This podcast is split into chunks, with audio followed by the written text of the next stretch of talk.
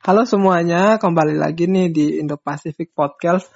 Mungkin uh, bagi teman-teman yang belum tahu, jadi sebelumnya tuh namanya uh, podcast malam minggu, podcast malam minggu, tapi kayak pengen diganti aja biar lebih fokus ke salah satu apa ya regional, salah satu topik yang menjadi concern saya juga. Jadi sekarang namanya tuh Indo Pacific Podcast. Nah, karena topiknya Indo Pacific, maka uh, udah datangin tamu baru nanti siapa dia nanti akan diperkenalkan. Tapi topiknya tuh mengenai uh, kerjasama ekonomi antara Indonesia dan Australia. Nanti namanya juga nah sebelum nanti uh, memperkenalkan tamunya siapa dan kita tanya-tanya tapi mungkin ada baiknya tuh kayak uh, narasi latar belakang sedikit. Jadi tuh kita bakal membahas soal yang namanya tuh IACEPA atau namanya tuh Indonesian Australia Comprehensive Economic Partnership Agreement atau kalau Indonesianya tuh IACEPA gitu. IACEPA kayak gitu. Nah, nanti uh, akan dijelaskan apa itu sebenarnya uh, partnership mereka tuh seperti apa, tapi yang pasti kerjasama ini ditandatangani oleh kedua negara itu melalui Kementerian uh, Perdagangan dari kedua negara yaitu Indonesia dan Australia. Yaitu tahun lalu jadi 4 Maret 2019 ditandatangani tapi setelah ngulik-ngulik lagi ternyata baru tahun ini tuh di uh, efektif. Jadi ditandatanganinya tahun lalu sekarang tuh jadi uh, come into force gitu. Nah, mulai diterapkan karena diratifikasi dan lain sebagainya. Nah selain daripada uh, itu ternyata kerjasama ini tuh dilandasi oleh kerangka ASEAN Australia New Zealand Free Trade Area. Jadi itu basisnya adalah Free Trade Area atau uh, perdagangan bebas antara ASEAN Australia dan New Zealand kayak gitu. Terus tapi terlepas dari uh, reaksi kedua negara yaitu Indonesia dan Australia yang positif terhadap kerjasama ini, ternyata ketika kita baca-baca lagi ternyata ada juga beberapa pihak yang merasa bahwa uh, apa sih pentingnya kerjasama ini dan apakah sudah menghitung uh, untung ruginya, apakah untung atau rugi jangan-jangan. Nah, untuk menjawab pertanyaan itu dan kayak apa ya narasi-narasi yang uh, bergerak di masyarakat bahwa apakah kerjasama ini tuh bikin untung atau buntung maka uh, podcast kali ini tuh temanya adalah iya cepa bikin untung apa bikin buntung. Nah oleh karena itu kita langsung aja uh, uh, panggil temen kita namanya tuh Rosaria Listiani tapi kalau biasa dipanggil Ocha ya. Iya, betul Kak Kelvin. Halo Ocha. Halo halo teman-teman. Selamat pagi, siang, atau malam deh pokoknya yang dengerin podcastnya Kak Kelvin. Asik, podcast malam itu ya ini Kak. Iya, namanya tuh podcast malam minggu tapi sekarang udah diganti jadi podcast uh, Indo Pasifik. Jadi itu udah. Oh, Oke. Okay. Soalnya tuh namanya dulu podcast malam minggu tapi nggak pernah diupload pas malam minggu juga, jadi suka-suka aja. mungkin Kak Kelvin lagi ini ya, lagi ngedate kali kalau malming ya. nah, uh, Ade ini sebenarnya siapa? Uh, terus kayak uh, latar belakangnya apa? Nanti boleh tolong perkenalan nggak? Iya boleh dong. Okay, ya okay. jadi uh, nama aku Rosaria Listiani. Aku biasa dipanggil Ocha. Lalu aku baru baru aja lulus um, kemarin Agustus. Um, aku ambil program studi hubungan internasional di UKSW Salatiga. Terus sekarang lagi sibuk, um, aku jadi tutor bahasa Indonesia di LKP Pelangi Nusantara di Salatiga juga. Gitu sih Kak Kelvin. Ih keren sih. Uh, uh, gimana nih rasanya jadi lulusan corona? Aduh lulusan corona. ya ya benar ya Kak. Ya harus bangga dong. Harus iya um, harus bangga sama diri sendiri. Terus buat teman-teman yang lagi berjuang, yuk semangat di um, di kala pandemi ini walaupun pandemi kita harus um, apa ya bisa menyelesaikan apa yang harus kita apa yang apa ya yang sudah ditang uh, yang sudah uh, ditangguhkan kepada kita semua gitu kak Iya sih, jadi mengakhiri hmm, apa yang sudah dimulai ya. Jadi apa yang dimulai nah, itu betul. harus diselesaikan gitu, jangan setengah-setengah. Iya, betul. Hmm, Tapi pasti susah sih lagi lagi pandemi kayak gini terus harus memikirkan skrip hmm. juga. Tapi keren sih bisa sampai Iya harus kak. Hmm, iya sih. Jadi tutor bahasa juga. Iya kak. Itu untuk ngajar anak apa tuh? Um, jadi kak aku uh, sebagai bahasa Indonesia ini untuk dewasa aja kak. Jadi yang murid aku yang aku ajari ini sudah bawa bapak ibu-ibu dan kebanyakan uh, memang orang luar. Jadi aku punya murid orang Amerika, orang India, Filipina juga ada waktu itu Taiwan. Oh, gitu, Kak Kelvin. Oke okay, oke, okay. jadi keren hmm. sih. Jadi uh, wisuda, uh, apa selesai skripsi, terus sekarang nyambi jadi tutor juga. Nah, tapi hmm, kembali lagi ke topik kita nih, uh, iya. kenapa sampai bahas topik ini? Karena kayak pernah ngelihat ada storyin storyin yeah. uh, skripsinya, terus kayak mm-hmm. kakak sampai capture, oh ini kayaknya keren nih skripsi judulnya, langsung di capture oh, buat iya? tipe nanti. di capture dong. Soalnya kelihatan judulnya, jadi langsung di capture. Tapi aku nggak. Mohon maaf jadi stalker. Iya gitu tak. Tapi iya. tapi sih bahas soal kerjasama Australia sama uh, Indonesia. Nah sebelum iya, masuk betul. ke pertanyaan apa sih iya Cepa tuh pengen hmm. nanya kenapa sih ngambil itu? Kenapa ngambil yeah. soal Indonesia Australia? Uh. Um, jadi gini teman-teman waktu itu aku makan di Australia dan aku makan itu bulan um, Agustus sampai November ya di Australia dan uh, eh, IACPA ini memang sudah ada sudah dibentuk sejak tahun 2010 tapi hmm. uh, sem ya sempat memang ada proses negosiasi lalu juga proses um, apa ya pembentukan um, apa regulasi di masing-masing negara. Lalu waktu um, di tahun 2016 sempat mandek lalu lanjut lagi di tahun 2019 dan waktu saya magang di sana itu memang jadi di ACEPA itu salah uh, kon, salah satu concern yang betul-betul um, apa ya diperhatikan oleh um, kedua negara ini begitu oh. Pak Calvin. Jadi saya memang um, waktu waktu di sana saya juga nyambi mencari uh, data juga sempat wawancara uh, dengan um, kepala fungsi ekonomi di KJRI Sydney lalu juga sempat wawancara dengan kepala ITPC juga ya IPC Sydney. Ya, ya saya mm, mantap mengambil itu Kak Kelvin. Oh iya sih. Gitu. Emang tujuannya tuh pengen tanya sih magang tuh gimana ngerasa gimana ngemagang di Australia? gimana sih ngerasa ngerasain magang? Harus kalian penelitian ya Kak Kelvin. Iya sih, iya iya. Iya. iya. Itu magang di Australia tuh di mana? Di KBRI atau di mana? KJRI kah atau di mana? Di KJRI, Konsulat hmm. Jenderal Republik Indonesia di Sydney, Kak Kelvin. Oh, keren sih. Jadi hmm. jadi magang di Sydney dari Agustus sampai November. Iya. Terus karena pas magang itu uh, ya Cepan ini jadi concern utama KJRI.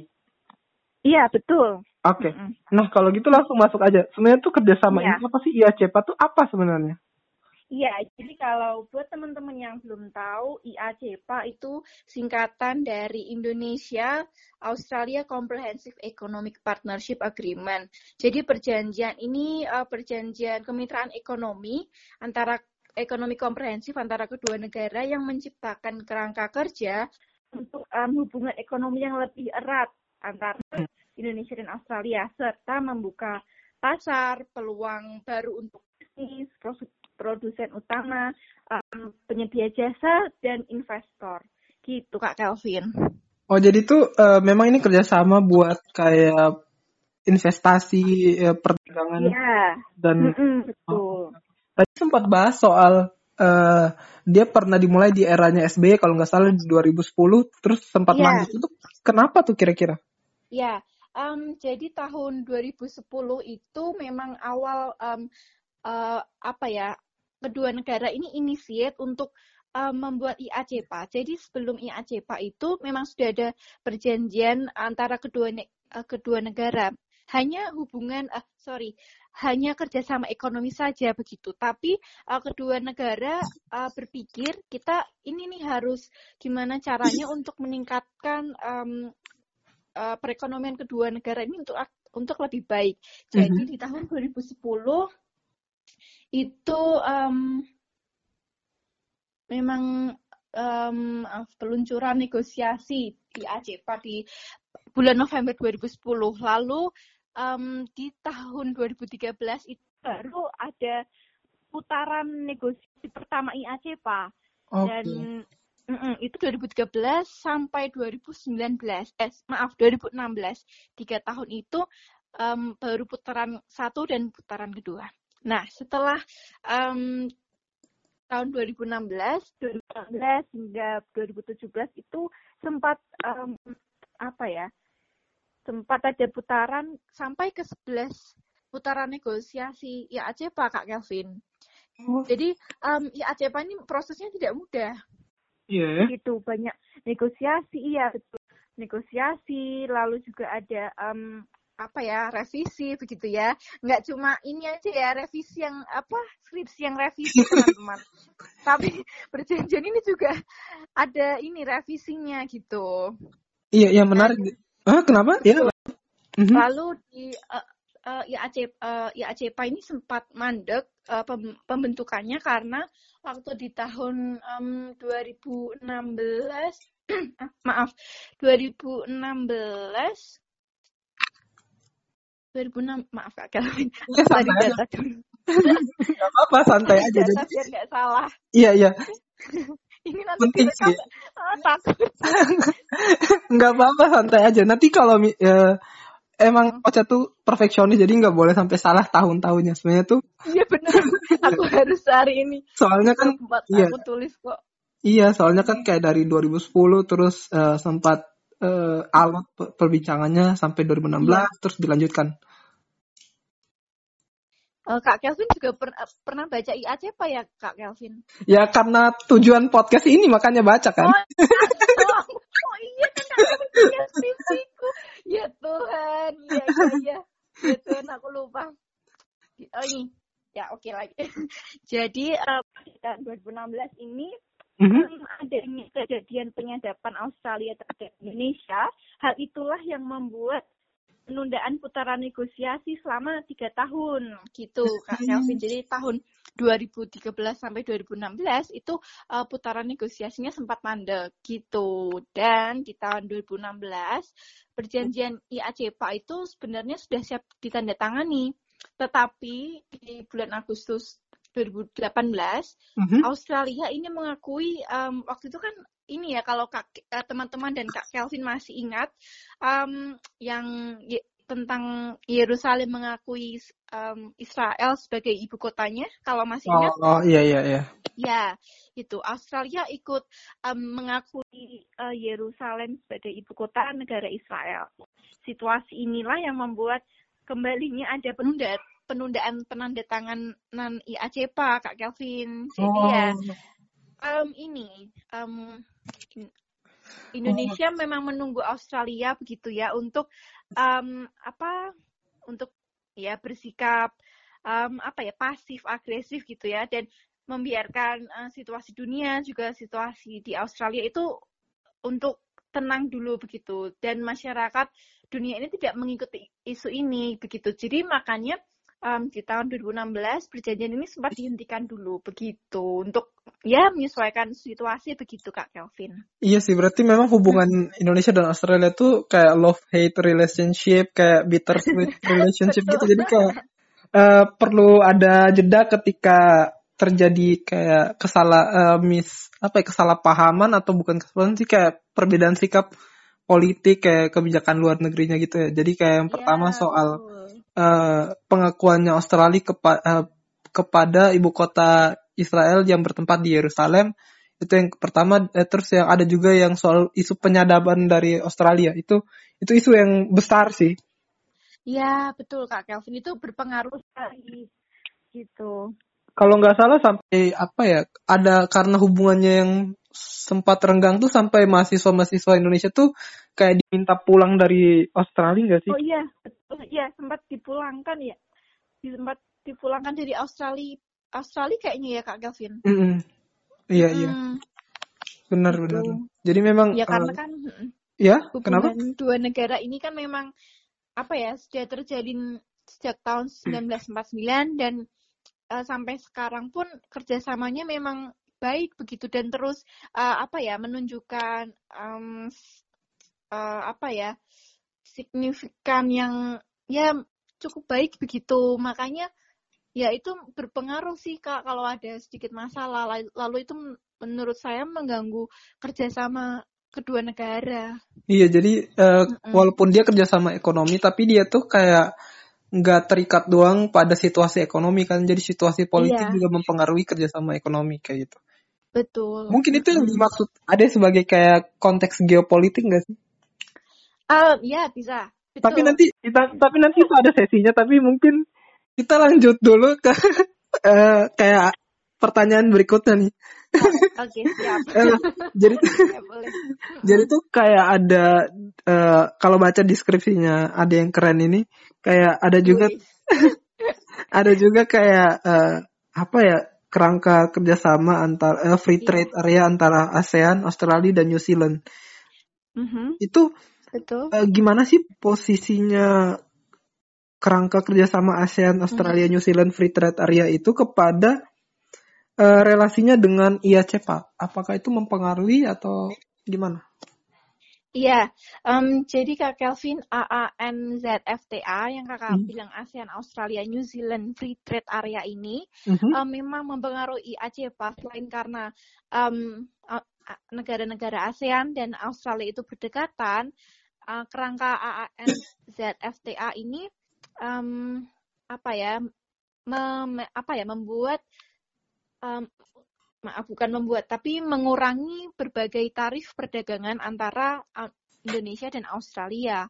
Lalu mhm. mm -hmm. juga um, uh, AANZFTA ini um, apa perjanjiannya um, tidak berubah dengan apa isu maaf bukan isu dengan IACPA. Yeah. Jadi perjanjian antar AAN dan IACPA ini akan saling mengisi setelah IACPA ini mulai berlaku dan um, ada dampaknya begitu kak dan pebisnis akan terus menggunakan AANZFTA ini walaupun sudah ada IACPA begitu oh jadi tuh -hmm. uh, tapi kayak berarti kayak Indonesia memanfaatkan kemitraan ASEAN ya dalam hal ini kan ASEAN mungkin punya mitra wicara atau uh, ASEAN Plus One, ASEAN Plus Three. Yeah, gitu. betul. Jadi ASEAN tuh punya kerjasama dengan Australia sama New Zealand sehingga yeah. Indonesia memanfaatkan kerjasama itu kali ya? Iya, yeah, uh, bisa jadi begitu Kak Kel. Uh, kalau misalnya dengan Indonesia, kenapa? Ya? Yeah karena Indonesia juga bagian dari um, ASEAN. Jadi Indonesia berhak untuk um, dalam apa ya berhak berada dalam AANZFTA ini Kak Kelvin. Oh iya sih. Dan itu emang pasti uh, sibuk juga ada waktu magang karena ini kan ditandatangani ini tuh pas uh, Maret ya 2019 se sedangkan ada tuh uh, hmm. magangnya Agustus. Agustus. Jadi mungkin masih rame sekali ya. Jadi kayak proses dari penandatanganan sampai efektivitasnya tuh pasti jadi rame juga ya? Iya betul Kak Kelvin. Jadi sewaktu hmm? aku di sana, um, apa ya sempat ikut beberapa um, meeting dengan pebisnis Australia dan um, KJRI. Uh, eh, gimana sih ya CEPA ini apa ya agar cocok untuk um, untuk diterapkan dalam um, apa ya dalam ranah bisnisnya mereka gitu supaya nggak merugikan pebisnis Australia dan untuk Indonesia sendiri juga bermanfaat gitu Kak Kelvin. Iya sih. Jadi mm -hmm. kayak ngurusin gimana caranya biar win-win solution antara yeah, Indonesia betul. dan Australia di ya CEPA. Nah, terus yeah. eh, eh, penasaran lagi tadi kayak sudah bicara mm -hmm. soal soal win-win solution. Emang Eh, kenapa sampai Australia itu butuh IACP gitu? Apa untungnya buat Australia? Iya, jadi um, apa sih untungnya untuk Australia? Jadi um, ini based on my skripsi ya kak Anum. Iya. Iya. um, jadi kalau untuk Australia, um, karena secara apa ya, secara geografi Indonesia ini salah satu um, negara ASEAN yang paling dekat dengan Australia. Mm-hmm.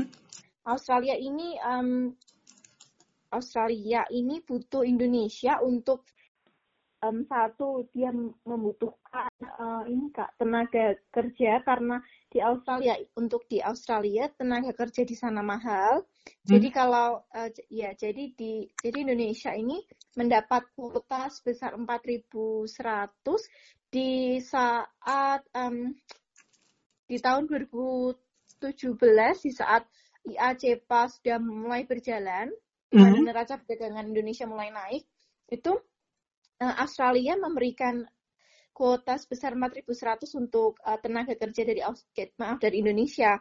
Padahal waktu sebelum um, IAC apa ya di um, melalui proses pembentukan itu hanya 1.100 orang yang dapat bekerja di Australia, orang Indonesia yang dapat bekerja di hmm. Australia. Nah, gitu. Ya, karena itu satu butuh tenaga kerja, dua um, Australia membutuhkan bahan pangan dari Indonesia yang di Australia nggak punya Kak Kelvin. Hmm. Gitu seperti herbs. What is herbs? Uh, um, rempah-rempah. Rempah-rempah ya. Ya. Yeah. herbs. Rempah-rempah. Itu karena um, di Australia ini ya beda ya. Kalau di Australia um, mereka penghasil susu, daging, um, gandum. Tapi kalau di Australia mereka nggak punya rempah-rempah. Nah dia ngambilnya dari kita. Lalu juga buah.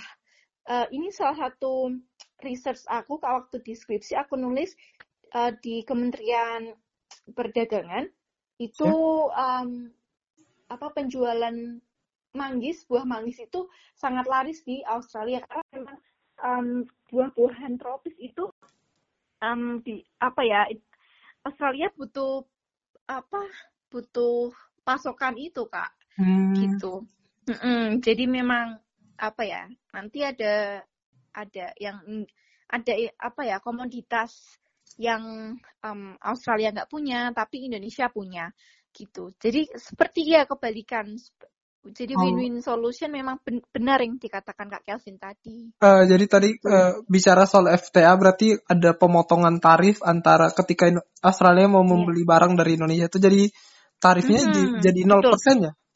Ya jadi uh, bukan uh, maaf bukan saya koreksi kak Kelvin. Jadi kalau untuk Australia um, beli barang dari Indonesia itu masih dikenakan tarif sebesar lima persen saja. Oh. Tapi kalau um, Indonesia memasukkan barang ke Australia itu dia benar-benar free 0% Kak Kelvin. Jadi sebenarnya di ACEPA ini uh, memberikan untungnya untuk Indonesia karena um, apa kita free masuk ke Australia, tapi Australia harus bayar 5% untuk Indonesia, begitu Kak. Oh, jadi ada masih ada tetap uh, biaya masuknya tapi cuma sekitar 5% ketika yeah. Iya. uh, Aust uh, Australia mau mengirimkan barangnya ke Indonesia, tapi sebaliknya Indonesia mengirimkan barang ke Australia itu gratis ya 0% ya tarifnya. Ya, betul, betul Kak Kelvin. Oke, okay, oke. Okay. Mungkin itu yang jadi nanti masuk ke pertanyaan kedua. Tadi kan udah yeah. bicara soal kenapa sampai Australia itu membutuhkan uh, IACPA. Nah, kalau Indonesia tuh butuhnya apa? Ya, jadi um, apa yang dibutuhkan Indonesia dalam IACPA ini proyeksi ke keuntungannya itu um, ada empat Kak Kelvin. Yang mhm. pertama mm -hmm. ada adanya pemasukan investasi ke Indonesia sebesar um, 1,4 triliun dolar di tahun 2017 waktu IACPA sedang berjalan juga. Jadi um, Indo jadi um, ya jadi Indonesia ini apa ya memiliki cadangan dana yang um, ditanamkan oleh Australia. Yang kedua, hmm. keterjagaan pangan oleh keterjaga keterjagaan pangan oleh Australia. Jadi kayak aku yang bilang tadi, um, Indo maaf Australia penghasil um, bahan pangan tertentu seperti daging, gandum, sama susu. Mm-hmm. Jadi um, Australia menyuplai ketiga barang itu ke Indonesia. Lalu yang mm. ketiga melakukan alih teknologi. Alih teknologi di sini itu um, ini kak um, mahasiswa oh. mahasiswa Indonesia itu dapat um, mendapatkan beasiswa di Australia begitu. Jadi Australia um, menyediakan fasilitas untuk sekolah bagi um, apa ya anak-anak Indonesia. Lalu juga selain mahasiswa dan um, murid-murid um, kayak SMA gitu ya college. Nah, um, Australia ini menyediakan fasilitas untuk um, dosen juga instruktur uh, orang Indonesia yang ingin mengembangkan keahliannya di Australia gitu oh, Kak Kelvin. Jadi tuh mm -mm. Beberapa keuntungan tadi yang dicatat kayak pertama tuh yeah. kayak ada foreign direct investment gitu kayak investasi asing dari Australia kepada Indonesia gitu. Iya, betul. Terus kayak memasok barang-barang uh, kebutuhan Indonesia yang enggak ada kayak misalnya uh, susu, terus daging gitu. Iya, susu, Karena daging, daging gandum. Dagingnya Australia juga bagus ya kayak wagyu-nya ya. itu terbaik nggak sih? Mm, betul, karena um, Australia ya keunggulannya itu kak apa ya? Uh, kalau daging di Australia itu malah murah, makanya um, Indonesia mungkin uh, butuh pasokan daging. Kalau kalau di kalau di Australia yang mahal itu malah bukan daging sih kak. Tapi kalau karena memang daging di sana murah. Mm. ya jadi kayak lebih lebih gitu di Australia. Jadi itu kenapa um, mm-hmm. Indonesia mm -mm, apa ya? Um, memilih daging ya, dari Australia betul, gitu. Daging dari Australia. Tapi sampai Indonesia wagyu mahal banget sih. Iya benar karena impor. Makan cuma bisa sekali pas uh, habis gajian. Itu langsung hedon terus. Nah. Tuhan. Iya iya iya. Jadi menarik sih. Jadi uh, saling hmm. melengkapi Indonesia kayak butuh. Nah benar. Mm, butuh. Mm -mm. Tapi di sisi lain juga mereka kayak menyediakan alih teknologi dengan beasiswa. Alih teknologi. Iya, jadi ya, beasiswa, beasiswa untuk dan pelatihan instruktur, mungkin juga pelatihan dosen atau um, um, apa studi lanjut untuk dosen begitu kak. Oh iya. Hmm. Nah uh, kita udah bicara soal apa yang Indonesia butuhkan, apa yang Australia butuhkan dan bagaimana uh, untungnya dan uh, bagi kedua negara gitu dengan kerjasama IACPA. Iya. Nah terus kalau misalnya dari perspektif yang ada uh, tulis ya khususnya deskripsi mm -hmm. itu kan kayak ada uh, bilateral ada hubungan bilateral dengan perdagangan internasional, ada liberalisme yeah. dan kayak geopolitik. Nah, kalau Adi tuh melihatnya gimana sih kerjasama ini dari konsep-konsep itu dari perdagangan internasional yeah. dan konsep geopolitik? Ya, jadi uh, kerangka pikir yang apa ya aku tuliskan ini uh, hubungan antara Indonesia dan Australia ini um, konsepnya memang dari perdagangan ekspor dan impor antara kedua negara. Mm-hmm. Jadi kan perdagangan ekspor impor ini termasuk dalam konsep perdagangan bilateral betul ya kak. Yeah. Lalu diturunkan ke ke dalam teori liberalisme di mana di dalam teori liberal, liberalisme ini kalau diterapkan itu ada tahap negosiasi negosiasi uh, negosiasi perundingan hingga menjadi perjanjian yang mana um, menjadi di ACPA ini. Lalu juga um, konsep geopolitik. Kenapa geopolitik? Uh, karena Indonesia dan Australia ini um, mempunyai daerah geografis yang berdekatan. Jadi kenapa ACPA ini dibentuk karena kedekatan kedua negara, lalu juga um, mudahnya pasar um, Australia ke ASEAN yaitu melalui Indonesia lalu juga untuk um, apa namanya uh, bahan baku komoditas Indonesia itu mudah dicari Australia oh. begitu kak iya iya jadi uh, faktor-faktor uh, per internasional dengan libera, uh, per, liberalisme dan bilateralnya tuh kayak uh, kedua negara saling membuka membuka pintunya terus uh, kayak misalnya dengan free trade agreement juga kan uh, mempertegas konsep liberalisme yang ada yeah. ya kan jadi kayak negara-negara tuh mm. merasa bahwa interdependensi itu menjadi sangat-sangat penting jadi yeah, saling tergantungan untuk menghindari apa ya kalau misalnya dalam konsep uh, dalam per, uh, perdamaian misalnya mm -hmm. cara paling pas untuk apa berdamai itu bukan cuma dengan tidak berperang, bukan cuma dengan uh, meningkatkan militer, tapi dengan saling membuka pasar gitu ya. Karena ya, semakin betul. terikat, semakin hmm. kemungkinan untuk saling berdamainya itu lebih besar gitu. Karena ya, saling benar, terikat. Kan?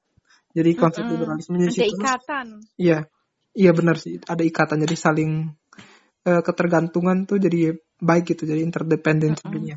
Nah terus uh, konsep geopolitik juga berarti kayak mempertimbangkan geografis kedua negara yang sangat-sangat dekat terus dengan kebutuhan yang bisa saling melengkapi gitu mungkin jadi yeah. sehingga ia cepat tuh jadi penting gitu. Betul sekali Kak Kelvin. Kembali lagi ke yang uh, mungkin sebelum lanjut tuh kembali lagi ke kan kerjasama itu antara ASEAN, Australia dan New Zealand. Indonesia yeah. punya nggak sih kalau misalnya sepengetahuan ada gitu kerjasama hmm. sama New Zealand dalam bentuk kayak misalnya I INZ Cepa gitu. Indonesia New Zealand ya. Iya. Kalau untuk New Zealand itu pasti jadi uh, um, setiap negara kan pasti punya kerjasama ya kak. Iya, kerjasama iya, itu pasti ada.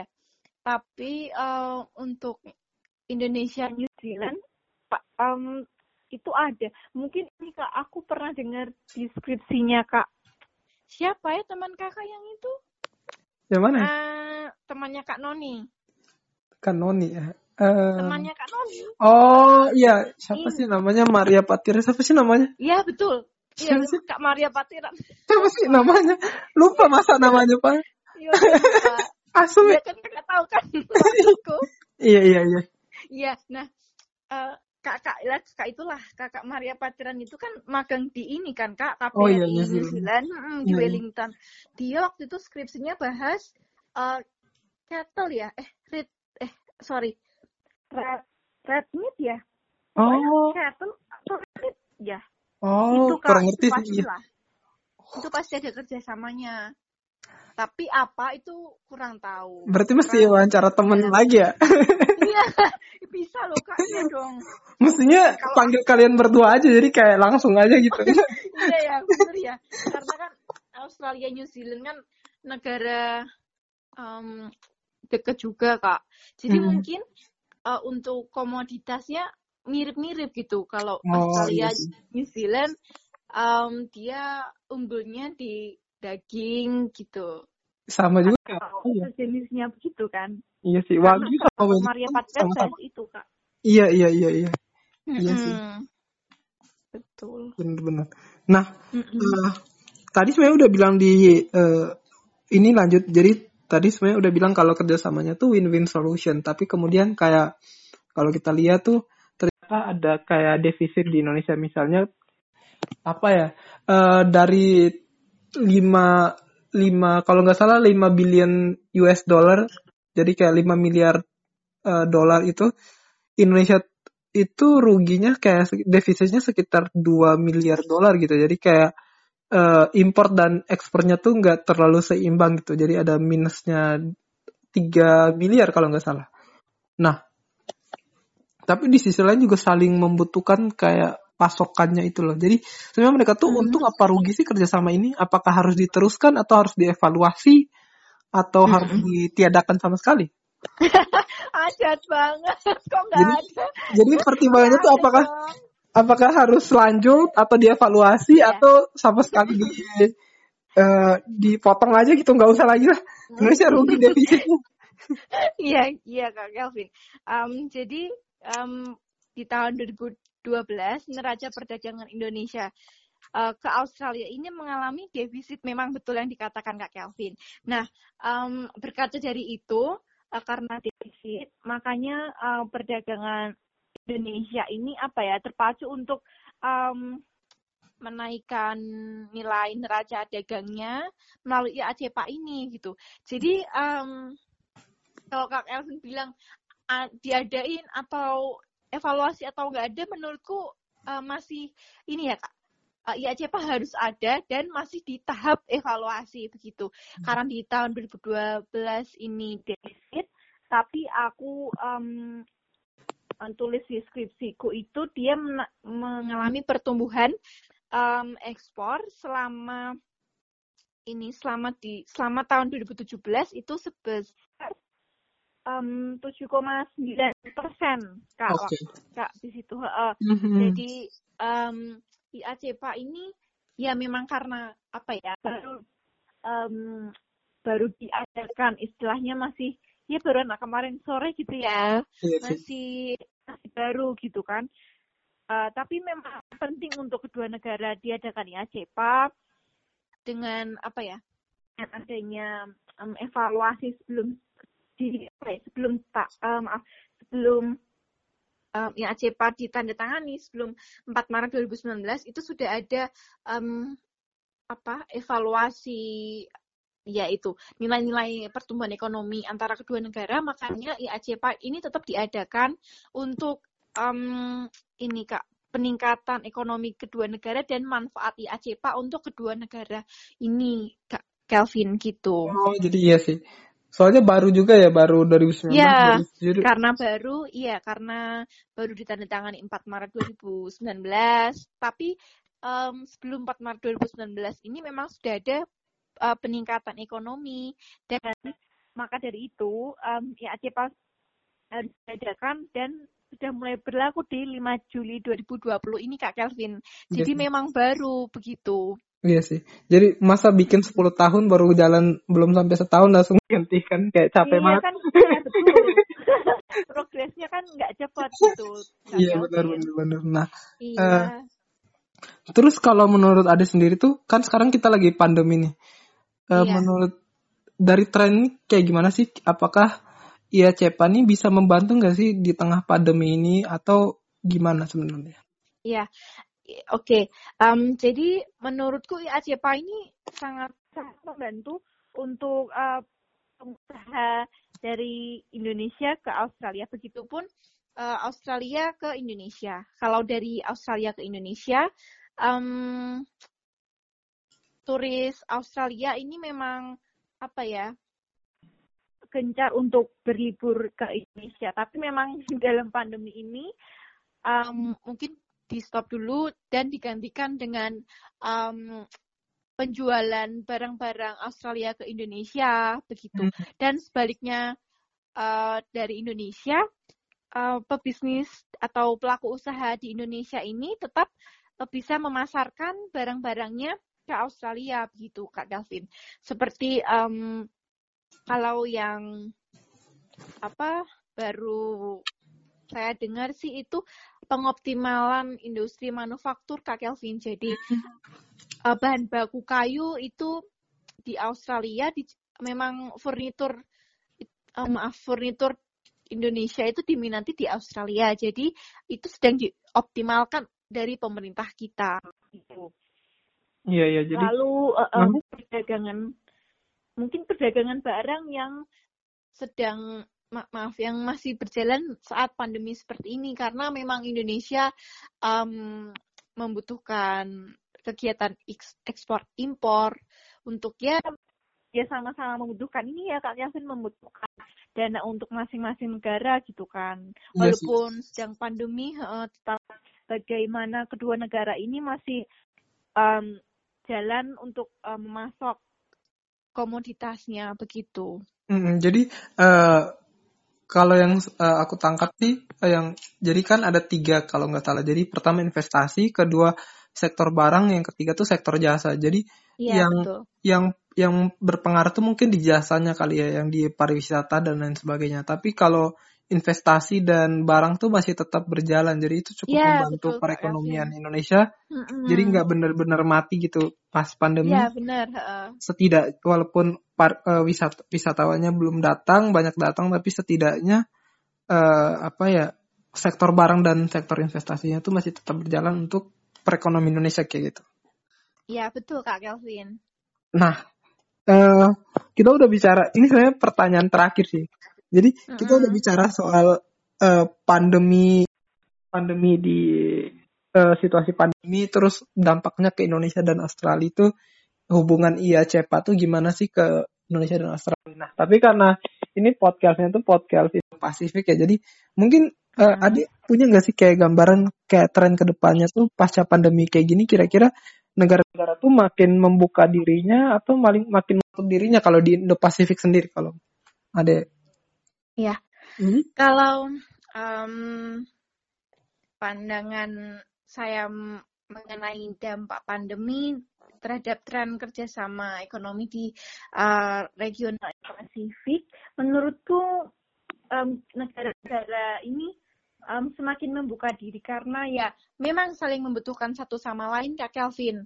Seperti negara yang ya sekarang sedang unggul seperti China itu pasti semakin gencar uh, memasarkan produknya. Tetapi dalam ranah ini Indonesia dan Australia dia nggak ikut kalah nih untuk memasarkan produknya ke ranah internasional nggak hanya cuma kedua negara aja Indonesia atau Australia begitu kak mm. jadi memang uh, nggak hanya Indonesia Australia kedua negara aja tetapi juga lebih um, memperluas uh, pemasarannya ke ASEAN begitu juga ya begitu ke Indo Pasifik begitu Kak Kelvin. Oh jadi uh, karena pandemi ini jadi negara-negara tuh makin justru bukan menutup diri justru makin membuka diri karena mereka makin membutuhkan justru. Ya menurut saya begitu. Hmm, iya sih iya sih. Mm -mm. Jadi ternyata tuh negara bahkan menyadari kalau mereka nggak bisa hidup. Nah, betul. Nggak bisa. Dia pasti membutuhkan negara-negara lain untuk uh, membutuhi kebutuhan um, negaranya, begitu kan, Kak? Nggak hanya um, karena keamanan, tetapi juga ekonomi tetap harus berjalan untuk ya pasokan um, negaranya masing-masing, untuk keberlangsungan masyarakatnya di negaranya masing-masing, Kak Kelvin. Oke, okay. uh, menarik sih kita udah bicara banyak soal dari uh, apa sebenarnya IACPA, terus mm. kerangkanya dengan Australia, New Zealand dan ASEAN Free Trade Area, terus untung ruginya, win-win kah, mm -mm. atau yeah. rugi atau defisit atau gimana dan yang terakhir sampai gimana sih tren perekonomian uh, menurut Ade uh, Cak pasca yeah. pandemi nah punya pertanyaan nggak sih kayak Ade punya pertanyaan nggak? Uh, ada sih Kak Kelvin. Waduh. Jadi ada teman-teman. Aku harus nanya juga dong. Um, menurut Kak Kelvin, uh, apa saran Kak Kelvin untuk IACPA ini? Karena kita tahu IACPA ini baru saja berlaku di 5 Juli 2020 dan um, masih banyak yang harus dievaluasi dari antar di antara dari kedua negara. Hmm. Gitu Kak Kelvin. Entah itu untuk um, saran untuk pemerintah Indonesia atau pemerintah Australia? Oh, waduh, pertanyaannya tuh sangat-sangat uh, menakutkan sih. Ini cuma saran loh. Iya, iya, iya, iya, iya. Uh, kalau dari kalau dari saranku sih mungkin uh, iya cepat tuh mungkin terlalu besar ya dalam artiannya tuh uh, perdagangannya tuh semua gitu. Mungkin yeah. harus ada beberapa perdagangan di Indonesia tuh yang harus dilindungi sih kayak misalnya mm -hmm. Indonesia tuh uh, fokusnya di apa gitu misalnya petaninya apa yang kita mm. unggulkan sehingga kayak perdagangan itu tuh nggak boleh gitu kayak misalnya karena Indonesia uh, masuk kopi dan petaninya juga -hmm. banyak sehingga mungkin yeah. kita nggak boleh misalnya terima kopi misalnya kalau misalnya Australia membuka kopi gitu atau misalnya kalau yeah uh, susu juga kan misalnya kita punya banyak jenis susu nih susu tapi mm -hmm. mungkin gak semua susu boleh kita masukin karena kayak harus melindungi yeah. juga uh, petani-petani susu kayak peternak-peternak sapi di Indonesia juga mungkin harus dilindungi oh, iya, jadi betul, ya. mungkin gak semua jenis susu atau gak semua jenis gandum tuh harus kita terima jadi hanya beberapa jenis gandum beberapa jenis mm -hmm. susu dan beberapa jenis daging sih jadi nggak boleh kayak langsung aja karena juga itu karena kayak pasar kita persaingannya juga belum kuat terus ditambah dengan persaingan dari luar negeri lagi mungkin itu jadi menyusahkan petani atau uh, pe, apa pebisnis pebisnis kita juga yang lokal gitu mungkin kali ya tapi iya. mungkin tapi belum dalami dalami lebih lanjut sih jadi mm -mm. Eh, itu mungkin saran kecil kayak gitu Iya, iya, iya benar sih Kak Kevin. Um, IAC Pak ini terlalu general untuk semua produk begitu ya. Jadi um, ya Indonesia bisa terima semua produk Australia mm. dan juga dia juga bisa memasarkan semua produk Indonesia ke Australia. Jadi yeah. ya ini kayak mm -mm, masih general gitu loh kak perdagangan ekspor impornya. Ya iya, sih? Iya mungkin industri-industri strategis yang lagi dibangun Indonesia tuh mungkin harus uh, stop dulu dari di Australia. Jadi kayak ya, benar. difokuskan kayak ada beberapa industri yang harus dijaga ya udah jangan kita terima tapi industri yang lainnya boleh gitu. Mungkin sih. Mm -mm. Mungkin. bisa juga iya. Iya iya. Kayak gitu sih. Terima kasih loh. Banyak belajar dari Ocha ini malam-malam Terima kasih loh Kak Kelvin. Aduh. ngajak aku ngobrol nih di podcast. Seru ngomong di sini teman-teman. ya Allah. Memang marketing banget sumpah nih anak. Kok marketing? Kayak menjual gitu keren banget, keren keren keren keren. Semuanya marketing Kak. Iya. Oke, terima kasih ya. Sukses. Iya Kak Kelvin, terima kasih. Ditunggu inputnya eh output input ya iya iya okay. ya Instagram store Insta, apa IGTV lah Spotify semua semua. Siap